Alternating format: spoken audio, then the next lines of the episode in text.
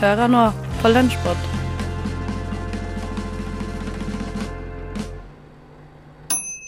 God onsdag. Lunsjpodden her på Radio Nova den er tilbake nok en gang. Så er det meg, Theis Magelsen her, som trekker i spaker og eh, trykker på knapper for deg den neste halvtimen. Forrige uke den var jo litt spesiell her på kanalen. Vi har hatt en såkalt Nova Swap, som vi eh, kaller det. Og det vil si at vi bytter program med andre redaksjoner her på Radio Nova. Så mange har fått prøve seg på en litt eh, ny type radiomaking i foregående uke. Så vi starter med Studentnyhetene, som eh, rett og slett lagde Sorgen fri. Og Elise Kubberød hun utforsket fremtiden innen mobilnett. Åh, videoen tar evigheter å laste ned. Hvorfor er det så dårlig dekning? Irriterer du deg også over dårlig dekning på mobilen? Snart så lanseres mobilnettets neste generasjon, nemlig 5G. Cirka hvert tiende år kommer det en oppgradering av mobilnettet.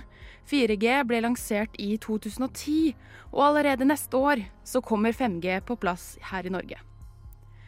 Ifølge NRK Beta er det flere fordeler med 5G. Blant annet så vil du få en mye bedre hastighet på nettet, som vil forbedre medieavspilling, gi høyere oppløsning med 8K og bedre dekning under større arrangementer. Men dette gjør at vi må øke datapakkene betydelig. Man kan også få bedre dekning. Hvor man før kanskje ikke fikk dekning inne i bygninger, så vil 5G sømløst bytte mellom hastighet og tilgang, slik at du alltid kan ta en telefon, selv nede i kjelleren på Neuf. En annen fordel er at 5G vil føre kommunikasjon på lite strøm, og derfor vil kanskje små smartobjekter vare lenger, og kanskje mobilbatteriet ditt også. Til slutt så vil dette nettet også gi så å si ingen forsinkelser og man kan faktisk utføre fjernoperasjoner ved bruk av roboter. Og dessuten så vil også de nye selvstyrte bussene til Ruter her i Oslo kunne kjøre uten forsinkelser i nettet. Dessverre så fører ikke dette nettet med seg kun gode nyheter. Det er ikke blitt gjort noen særlige undersøkelser på strålefare eller påvirkningen 5G kan ha på miljøet eller oss mennesker. Wire.com påpeker at det kan være stråling, kreftpåvirkning, mulig sterilitetsfare og kan påvirke vår mentale helse gjennom konstant påloggenhet. En av de utbredte grunnene til hvorfor vi ikke burde ta i bruk 5G, er at fordi ved høyere hastighet og lokale basestasjoner kan dette føre til at strålingen vil øke temperaturen i cellene våre og rett og slett koke dem. Vi får håpe de gjennomfører noen analyser før utbyggingen, men uansett så kommer det nok ikke mobiler som støtter 5G med det første. Og utbrutt buk vil nok ikke være før i siste del av 2020. Vi får bare vente og se hva fremtiden vil bringe. Flyvende biler, eller kanskje flere kreftpasienter? Vi får se. Men frem til nå så vil jeg gjerne ha litt høyere hastighet. Jeg tror at raskt nett er en av de tingene som man ikke helt vet hvor mye man trenger før man faktisk mister det. Eh, så jeg tenker at bedre mobilnett det er sikkert eh, ålreit i, det lange løp. Elise Kubrød der, og Studentnyhetene som lagde Sorgenfri forrige uke. Du lytter til Radio Nova.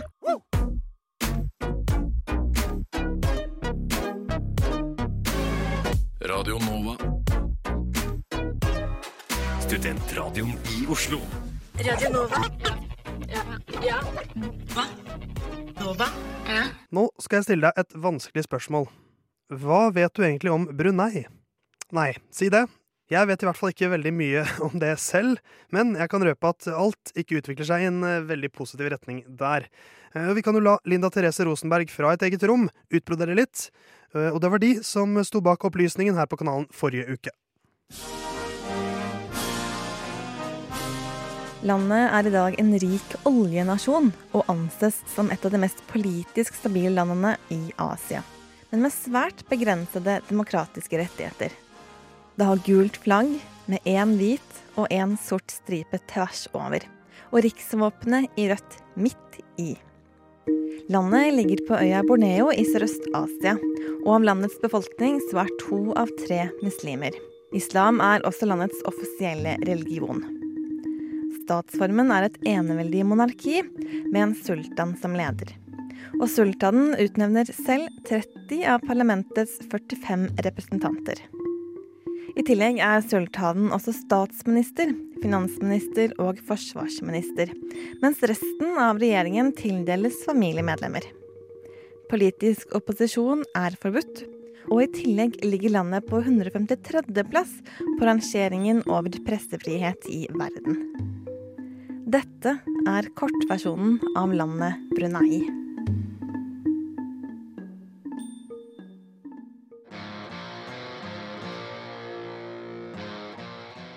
I 2013 varslet Brunei at sharialover skulle innføres i landet.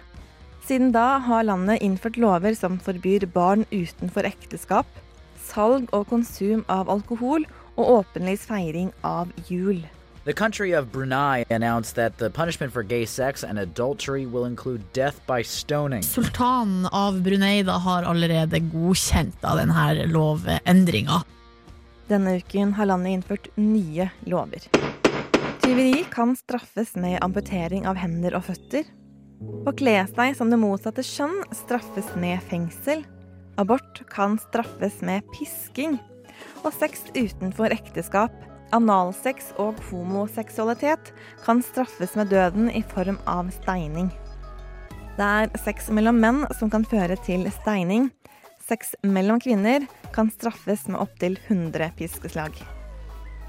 Ifølge The Guardian er de nye lovene bare rettet mot den muslimske delen av befolkningen, og det kreves minst fire vitner for at man kan dømmes til døden.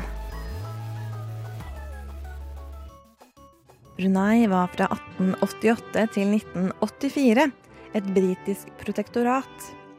Det vil si at landet avsto deler av sin suverenitet til britene, men beholdt noe selvstyre. Og det var britene som i sin tid innførte et forbud mot homoseksualitet. Et forbud som til og med tirsdag i denne uken kunne straffes med inntil ti år i fengsel. I en uttalelse fra statsministerens kontor, gjengitt av bl.a. CNN, heter det at sharialoven skal kriminalisere og avskrekke handlinger som er imot islams lære. Og har som mål å utdanne, respektere og beskytte de legitime rettighetene til alle individer. In a statement to the site, a researcher at Amnesty International said, quote, To legalize such cruel and inhuman penalties is appalling of itself. The High Commissioner for Human Rights, Michelle Bachelet, urged today the government of Brunei to stop entry into force of a new penal code which would enshrine in legislation cruel and un- inhumane punishment in breach of international human rights law, including death by stoning. Organisasjoner som FN og Amnesty og andre menneskerettighetsorganisasjoner har kritisert de nye lovene. Og landet har motsatt stort press fra andre land om å endre eller fjerne loven. Det har ikke vært aktuelt. Og lørdag 30. april sendte landets statsminister ut en pressemelding. Her står det at Brunei er et selvstendig land som utøver sine egne lover og regler som alle andre selvstendige land. Shahiran Shahirani is a gay man from Brunei, but he's now in Vancouver hoping to get asylum in Canada. I was never open in Brunei about my sexuality. I would try to hide it from everybody around me.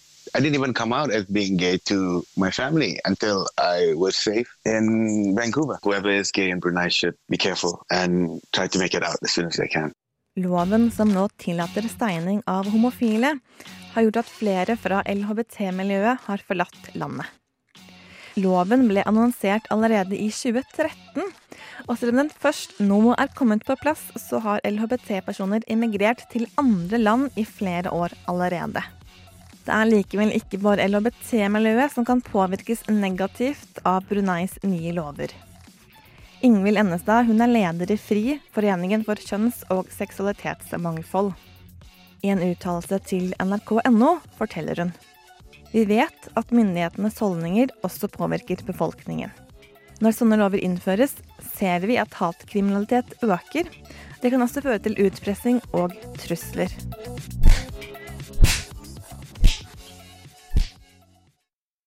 Selv om utvinning av olje har gjort Brunei til det rikeste landet i regionen, så har landets økonomi krympet de seneste årene.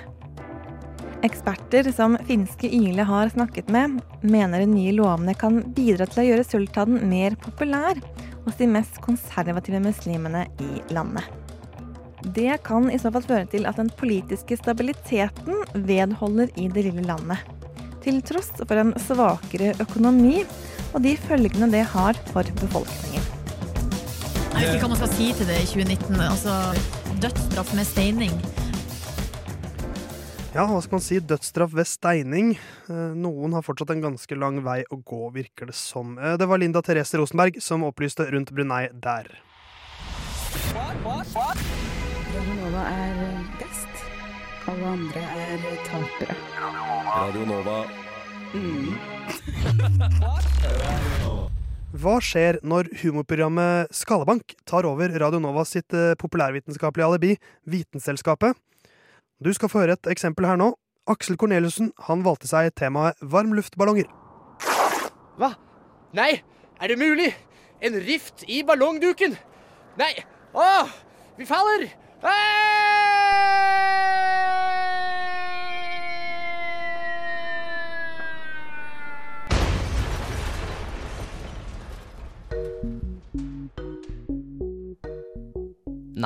det var kanskje ikke helt sånn det gikk for seg da luftfartspioneren Jean-Francois de Rosier uheldigvis krasjet i Frankrike den 15. juni 1785. Franskmannen, i et forsøk på å krysse Den engelske kanal i sin varmluftsballong, hadde et uhell med ballongen og overlevde ikke fallet på over 450 meter. De Rosier sin interesse for varmluftsballonger startet bare tre år før ferden, da han var vitne til Montgolfier-brødrene sin demonstrasjon og aller første bemannede varmluftsballongferd. Dessverre for Rosier var han og hans amerikanske medpilot, dr. John Jeffries, ikke like heldige og krasjet ikke langt ut i sitt rekordforsøk. Likevel blir de Rosier sitt navn for alltid stående i historiebøkene, da hans krasj var verdens aller første dødelige luftfartsulykke. Hvis du, som meg, har sett en fargerik, flott varmluftsballong i horisonten, har du også kanskje lurt på hvordan denne ballongen egentlig fungerer. Varmluftsballonger har i motsetning til et fly eller et helikopter ingen motor som gjør at de holder seg i lufta. Nei, for det har som navnet på fartøyet sier, noe med varmluft å gjøre. En varmluftsballong klarer å fly fordi de fyller ballongen med masse varm luft. Og varm luft, det er faktisk lettere enn kald luft, noe som gjør at ballongen stiger. Grunnen til at kald luft er tyngre enn varm luft, er fordi at desto kaldere luften er, desto tettere er lufta pakket. Ja, se for deg at du fyller en bøtte med ti liter kald luft, og en annen bøtte med ti liter varm luft. Bøtten med kald luft veier faktisk mer enn bøtta med varm. Utrolig, ikke sant? Dette prinsippet gjør i hvert fall at varmluftsballonger som er fylt med store mengder varm luft, faktisk klarer å fly rundt i lufta. Selv om ballongene på distanse ser ganske små ut, er de faktisk kjempestore. Og grunnen til dette er fordi at de trenger masse, masse varmluft for å klare å løfte sin egen vekt. Denne luften varmes opp av store gassbrennere, som gjør at luften oppi ballongen blir varmere og varmere helt til ballongen begynner å stige. Piloten står i kurven under og styrer hvor mye gass som skal brennes, og dermed om ballongen skal stige, synke eller holde seg i samme høyde. Hvilken retning fartøyet beveger seg i, er riktignok ikke opp til piloten, men heller i retningen vinden flyr. Ja, og denne vinden den kan komme opp i ganske kjappe hastigheter, for den raskest registrerte hastigheten på en luftballong, det er hele 395 km i timen. Dette skjedde tilbake i 1991, da verdens største luftballong, Virgin Pacific Flyer, fløy fra Japan til Canada. Den første varmluftsballongstigningen i Norge skjedde den 20. februar 1910 ved Akershus festning i Oslo. I dag er det ikke mange i Norge som driver med ballongflyvning, og det finnes bare 10-12 flyvedyktige ballonger og rundt 50 utøvere. Hvis du selv har lyst til å fly en varmluftsballong i Norge, er du nødt til å ta noe som heter ballongførerbevis. Alle som driver med varmluftballong i Norge, har nettopp dette kurset, og er medlem av ballongklubben Frisk Bris, Norges eneste offisielle ballongklubb. Ja, da vet du i hvert fall hvem du skal kontakte dersom du er litt lysten på en eh, stille tur opp i skyene. Aksel Korneliussen der fra Skallebank, som lagde Vitenselskapet forrige uke. Jeg har egentlig egentlig sagt det, men jeg kan si det en gang til. Radio Nova. På, på, DAB og nettradio. på radionova.no. Jeg har egentlig sagt det, men jeg kan si det en gang til. Radio Nova. Sportsprogrammet her på Radio Nova heter Stafett er stafett.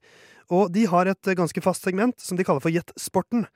Og det er like enkelt som det er genialt. Du får høre en lyd og skal gjette hvilken sport det kommer fra. Og Forrige uke så var det Vilja, Simen og Håkon som var på lufta da Skumma kultur tok over Stafett er stafett. Og Vilja hun kom med en utfordring til gutta. Gjett sporten! Kom igjen, da. Gjett sporten. Jeg har sett et klipp fra en sport som eh, foregikk for noen år siden. Ja. Eh, Den foregår fortsatt, men det her, eh, den her eh, Hva skal man kalle det? Det er jo en Eventen eller arrangementet, Ja, liksom, kan man kalle det. Foregikk for noen år siden, og jeg har egentlig klippet ut det kommentatorene sier. Ja. Fordi selve sporten i seg sjøl gir ikke så mye lyd. Nei.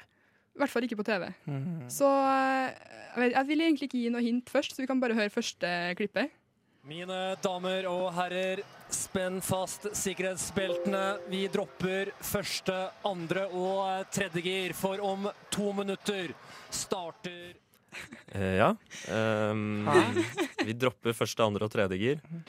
Um, Norsk, ikke sant? Det er norske det er kommentatorer norske også. Ja, norske kommentatorer. Eh, Det høres ut som det er noe bilsportaktig. Eh, Jeg tror kanskje det, ja. Det er noe gir Ja, bildet, gir. men, men det kan jo også bare være en metafor kommentator bruker for å lage spenning i sporten. Det kan det absolutt. Um, Men nå ser jeg at, at, at den ikke lager så mye lyd, sporten.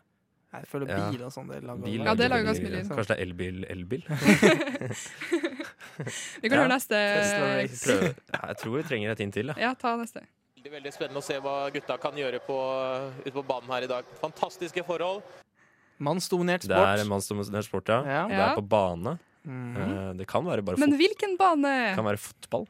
Nei, det er ikke fotball. Ikke fotball. Ikke bilbane. Um, men det er gutta, så det er veldig gutta Gutta. Jeg kan avsløre at det her var i 2013. da. Det, var, det her var i 2013, Ja. men det er en sport man driver med. Ja, ja, absolutt. 2013-unik idrett. Men i det her, i 2013, så vant Norge. Norge vant dette i 2013. Ja. I verdensmesterskap. Eh, det var i Sør-Korea. Det var i Sør-Korea. Eh, uvisst hva det var. Eh, nei da, det var VM-gull. Er det, VM-gull. er det, er det curling? Nei. OK. Veldig bra gjetta. Ja, bra gjetta. Okay. Vi kan høre neste. Vi brukte jo en, tid, en del tid å snakke om Italia nettopp i går. Eh, stilen, det ble litt krøkkete, det ble litt stakkato. Eh, på den annen side OK. Kan det være bandy? Nei. Ikke bandy. Men der er noe, her var det Italia. De brukte en del tid på å snakke om Italia. Ja. De hadde litt krøkkete stil. Litt stakkato. Litt Er det um, Um, sånn isdans? Nei. ja, men det er, for, ikke sant, det er noe med noe stil. Det er noe Stilen var litt stakkato. Mm. det trenger ikke være men, Men dere er litt sånn i riktig retning er noe på en måte. teknikk. Teknisk. Det er veldig teknisk. Det er veldig teknisk. Jeg kan Men det er avsløre at det er en par Men det er lag. Ja, du er to og to på lag. To og to på lag. Bob! Nei. Ok. Ja, det var nære. Føler, føler jeg var nære. Ja. Men eh, nei. Mm. I neste, eh, neste hint her nå så tror jeg du får høre navnene til dem som vant. Ok, skal vi Oi, Kan jeg gjette? Ja. Kan det være sandvolleyball? Nei. Ja, vi- Hør neste. Og der har de åpent vann på halvveis! Det er Kjetil Borch og Nils Jakob Hoff som har to lengder ned til nærmeste konkurrent. Og der, har, eh, der tror jeg jeg har den, jeg. Okay. Rett og slett Kjetil Borch eh, og en eller annen. eh, Det må være snakk om en idrett som foregår på vannet. Ja. Eh, Det må være snakk om en- idrett som foregår med årer. Ja. Og det må være snakk om roing. Det er riktig, Håkon! Det er Faderen meg så bra. Det er så deilig å Ja. kjenne smaken av gull. Smaken av Det er så gull. Smaken av gull. Men altså, uansett, Får vi, får vi at de går, kommer i mål? Ja, det er det vi må høre, fordi det er helt fantastiske kommentatorer. Tak igjen nå, da! Litauen kommer voldsomt på siden! Det har ligget så spurten så lenge, men dette må da holde. Der er det! Der er mållinjen! Og det er gull nummer to til Norge! Er det ikke det? Ja! Det er helt fantastisk! Oi, oi, oi! Det er helt Ja, det er helt fantastisk. Det er helt fantastisk. sjukt. Det er gull til Norge. Ja, altså, er Folk må nesten se det klippet på YouTube. Det er da VM-gull i, I. Sør-Korea i 2013. Dobbeltsculler, eller hva de Ja, kaller det. det er det. I Sør-Korea i 2013. Ja, det var helt sykt gøy å høre på. Et av dine beste idrettsminner, det der, eh, Vilja? Ja, fra i går, så. Fra i går, ja. Ja. ja. Ikke sant? Det er eh, Nei, men Gratulerer med seieren, Håkon. Tusen takk. Du, Simen Buseth, du må hjem og se på roing. Ja. Ja, kanskje det var flere enn meg som fikk litt frysninger av kommenteringa der. Eh, Men så skal jeg innrømme at jeg først eh, tenkte på motorsport, jeg også. Men så klarte de å ro seg i land til slutt, Håkon og Simen, og klarte å løse utfordringen fra Vilja der, altså. Skumma kulturfolket, som lagde stafett, er stafett forrige torsdag. Du Du Du hø hører På, på Radio Nova. Torolf Høstmælingen han er med i tekstbehandlingsprogrammet her på Radio Nova. Men på fredag så fikk han lage frokost, og hans søster Ane er med i nettopp eh, frokost. Og før han skulle debutere som eh, morgenprater, så søkte han råd eh, fra sin søster. Så bør jeg kanskje nevne at Theis, som er mitt navn, er redaksjonsleder i nettopp frokost. Og ja, det, du vil forstå etter hvert hvorfor jeg føler at jeg bør nevne det.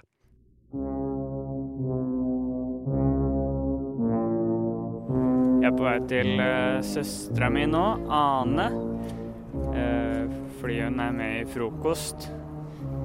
Og uh, jeg skal jo prøve å være med på fredag, så trenger jeg noen tips. Fordi altså, vi pleier jo uh, I tekstbehandlingsprogrammet som jeg er med i, så pleier vi å snakke mest i sånne hviskende, stille toner og sånne ting. Så jeg vet ikke helt Det virker som om de har så mye energi i frokost. Jeg lurer litt på hvordan får de egentlig det? Eller sånn, hva, hva skal jeg gjøre for å, for å komme opp på det nivået de, de er på? Her kommer jeg.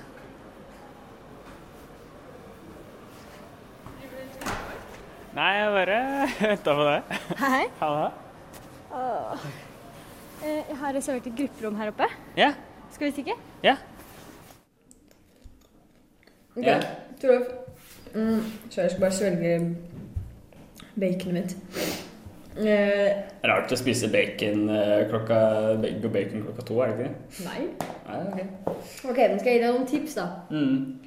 Eh, det viktigste tipset som jeg kan gi deg, altså aller viktigst, det er å spise en eh, god frokost. Ja, ok. Gjerne litt sånn egg og bacon og kanskje et glass juice og Ja, kanskje to egg, da. Og så kanskje fem striper bacon. Da Shit. skal du være godt rusta. Klokka jeg, jeg pleier ikke å spise før klokka tolv eller noe. Altså, Pleier du ikke å spise før tolv? Nei. Men Toralf, frokost er dagens viktigste måltid. Ja. Og så når klokka blir tolv eller noe, kan du Da kan du spise et annet måltid igjen. Sånn gjerne bacon og egg eller noe, kanskje. Ja. Ja. Det høres ut som du spiser frokost hele dagen, egentlig. Eller sånn Er det bare egg og bacon? Kveldsmat og sånn, da? Ja, Da slenger jeg kanskje på noen tomatbønner òg, da. Å, vent litt. Fikk en melding her. Å, det er bare Theis. Han sier 'husk frokost i morgen'. Ja, har du sending? Nei, nei. Ja. Ok. Måltidet, liksom? Ja, Ja. frokost er dagens viktigste måltid. Jeg, jeg tenkte jeg skulle spørre deg, fordi altså, dere har jo så sykt mye energi og sånn, Mm. så tidlig på dagen. Hvorfor får dere så mye energi, liksom? Hvordan klarer dere å holde stemninga oppe i studio? Det handler om frokost, da. Mm. Men ofte så koker vi egg i vannkokeren. Egg, ja. Ja, og så kanskje vi lager noe bacon ved siden av. I mikroen. Og da, sånn i pausen og sånn, så bare spiser vi tja, kanskje litt egg og litt bacon, da. Jeg skjønner ikke, dere må jo spise noe annet. Spiser dere middag, liksom? Ja, spiser middag, ja. Oi, vent litt. Det ringer her. Ja. Det er Theis. Skal jeg sette på Igjen? høyttaler? Ja, ja, gjerne. Skal vi se. Hei, Theis. Hva skjer da? Hva skjer, Anne? Du er på høyttaler. Hei, Theis. Du er på høyttaler sammen med Torolf. Jeg er på, jeg, jeg er på høyttaler, ja. Jeg Ja. bare ringer rundt til uh, frokostmedlemmene. Den daglige ringerunden. Ja, ja, ja. Hvordan det går? Det bra. Jeg har akkurat spist noen egg og litt bacon. Hvor mange steg har du spist, da? Eh, hittil har jeg bare spist eh, to. To? Det er ikke frokost. Nei, sorry. Jeg starta litt seint med Hva er, det undervisningen. hva er det programmet vårt heter, Anne? Frokost? Heter det lunsj? Nei. Jeg skal spise en hel eh, sekspakning, altså. Jeg lover. Ja, du, du vet at det ikke er nok. Et snes er vel det vi har blitt enige om. Tolv egg? Nei, et snes er 20 tonn, så det bør vite. 20 om dagen er godt for magen. Ja, og godt for, eh, for det meste i livet. Det er jo det du pleier å si. Men jeg skjønner ikke, for Ane sier at hun spiser egg og bacon til frokost og middag og kvelds. Men er ikke det bare å spise frokost hele dagen, da? Jo, men det er jo det, er jo det viktigste måltidet. Så derfor kan man ikke bare gå rett på en lunsj. Så eh, da har man sviktet. Sviktet våre rutiner, og det, det er bare å beklage. Jeg lover å gjøre det bedre i morgen. Det er bra. Men da er noen andre telefoner å ringe her, så håper de andre ikke svikter meg sånn som du alltid gjør. Sorry. Spis. Takk. Ha det. Du tar deg et egg nå. Ja, jeg skal gjøre det. Og så snakkes vi igjen i morgen. Yes. Ha det. Ha det. Ja, Hva faen er det som skjer med Theis, da? Høres eh, jævlig sur ut. Nei, nei. Det er bare sånn eh, rutine vi har, da. I frokost. Så eh, ja. Det var ikke så vanskelig å venne seg til, egentlig. Når man har spist en eh, sekspakk, da blir det en vane. Sånn er det bare. Så det er det eneste tipset dere vil komme med, egentlig? Er å bare spise masse egg? Ja. Og bacon. Jeg har vel ikke noe annet valg enn å stå for alt som, som blir sagt her. Frokost er viktig. Det var søskenparet Torolf og Ane Høstmeldingen med en liten gjesteopptreden fra undertegnede der, altså. Du hø hø hører på, på Radio Nova. Radio Nova. N-O-V-A Nova. Listen to me. Yo, are you listening?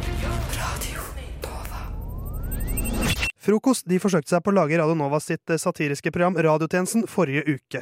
Og de hadde notert seg en litt økende trend av ulike fantasyspill som popper opp som paddehatter utover internettet. Det er spillkonsepter der du velger deg ut et lag bestående av fotballspillere eller skiløpere, eller til og med Paradise Hotel-deltakere, faktisk. Eh, Og da lurer Frokost på finnes det et eh, uforløst potensial i politikkens verden.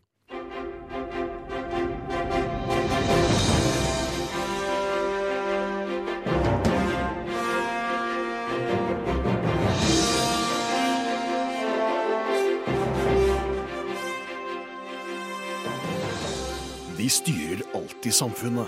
De bestemmer hvor mye du skal betale i skatt, hvor mye du betaler i bompenger, hva barna dine skal lære på skolen, og om du får lov til å kjøre sparkesykkel eller ikke. Nå har du muligheten til å ta kontrollen tilbake. Du kan styre dem. Nå kan du endelig spille Stortinget Fantasy. Fem måneder før kommune- og fylkestingsvalget 2019 starter den første sesongen. Velg dine favoritt-stortingsrepresentanter og følg den politiske hverdagen gjennom debatter, meningsmålinger og taler uke for uke. Plukk poeng og ta dristige valg. Ah, shit! Jeg kjørte triple cap på Knut Arild like før Skjebnelandsmøtet. Faen, altså, jeg er så usikker på hvem jeg skal kjøpe til debatten på lørdag. Er det liksom Siv eller Jonas? Yes! MDG fram på meningsmålinga! Seks kjappe poeng til laget mitt der. Men Faen, altså. Slagsvold Vedum choka faen meg i Dagsnytt 18 i går. Ja, da var det to minuspoeng der, ja. Med en solid retorikk på Stortingets talerstol kan din representant sikre deg doble poeng. Men om politikerne svikter du under hardt press fra Fredrik Solvang, kan du også måtte betale dyrt for det. Splash the cash for den dyreste av dem alle, Erna Solberg. Eller ta sjansen på at en billig Christian Tonning Riise ikke rykker på enda en 16-åring. Eller ta sjansen på en fallen Trond Giske. Eller kanskje din representant blir FrPs syvende justisminister i løpet av sommeren. Ta kontrollen over politikerne. Bli med på Stortinget Fantasy. Bli med på galskapen. Ja, Bli med på galskapen, ikke en dårlig eh, tagline det, men jeg håper du har satt pris på noen av høydepunktene fra galskapen som eh, oppsto gjennom vår lille bytterunde her på kanalen forrige uke. Eh, Men Radio Nova er tilbake til normalen nå, men det er jo ganske ålreit, det òg. Vår lunsjpod er over for denne gang. Theis Magelsen, som er mitt navn, takker for følget. Så får du kose deg ute i Oslo-sola. Høres vi igjen neste uke. Radio Nova er best. Alle andre er tapere. Radio Nova. Mm.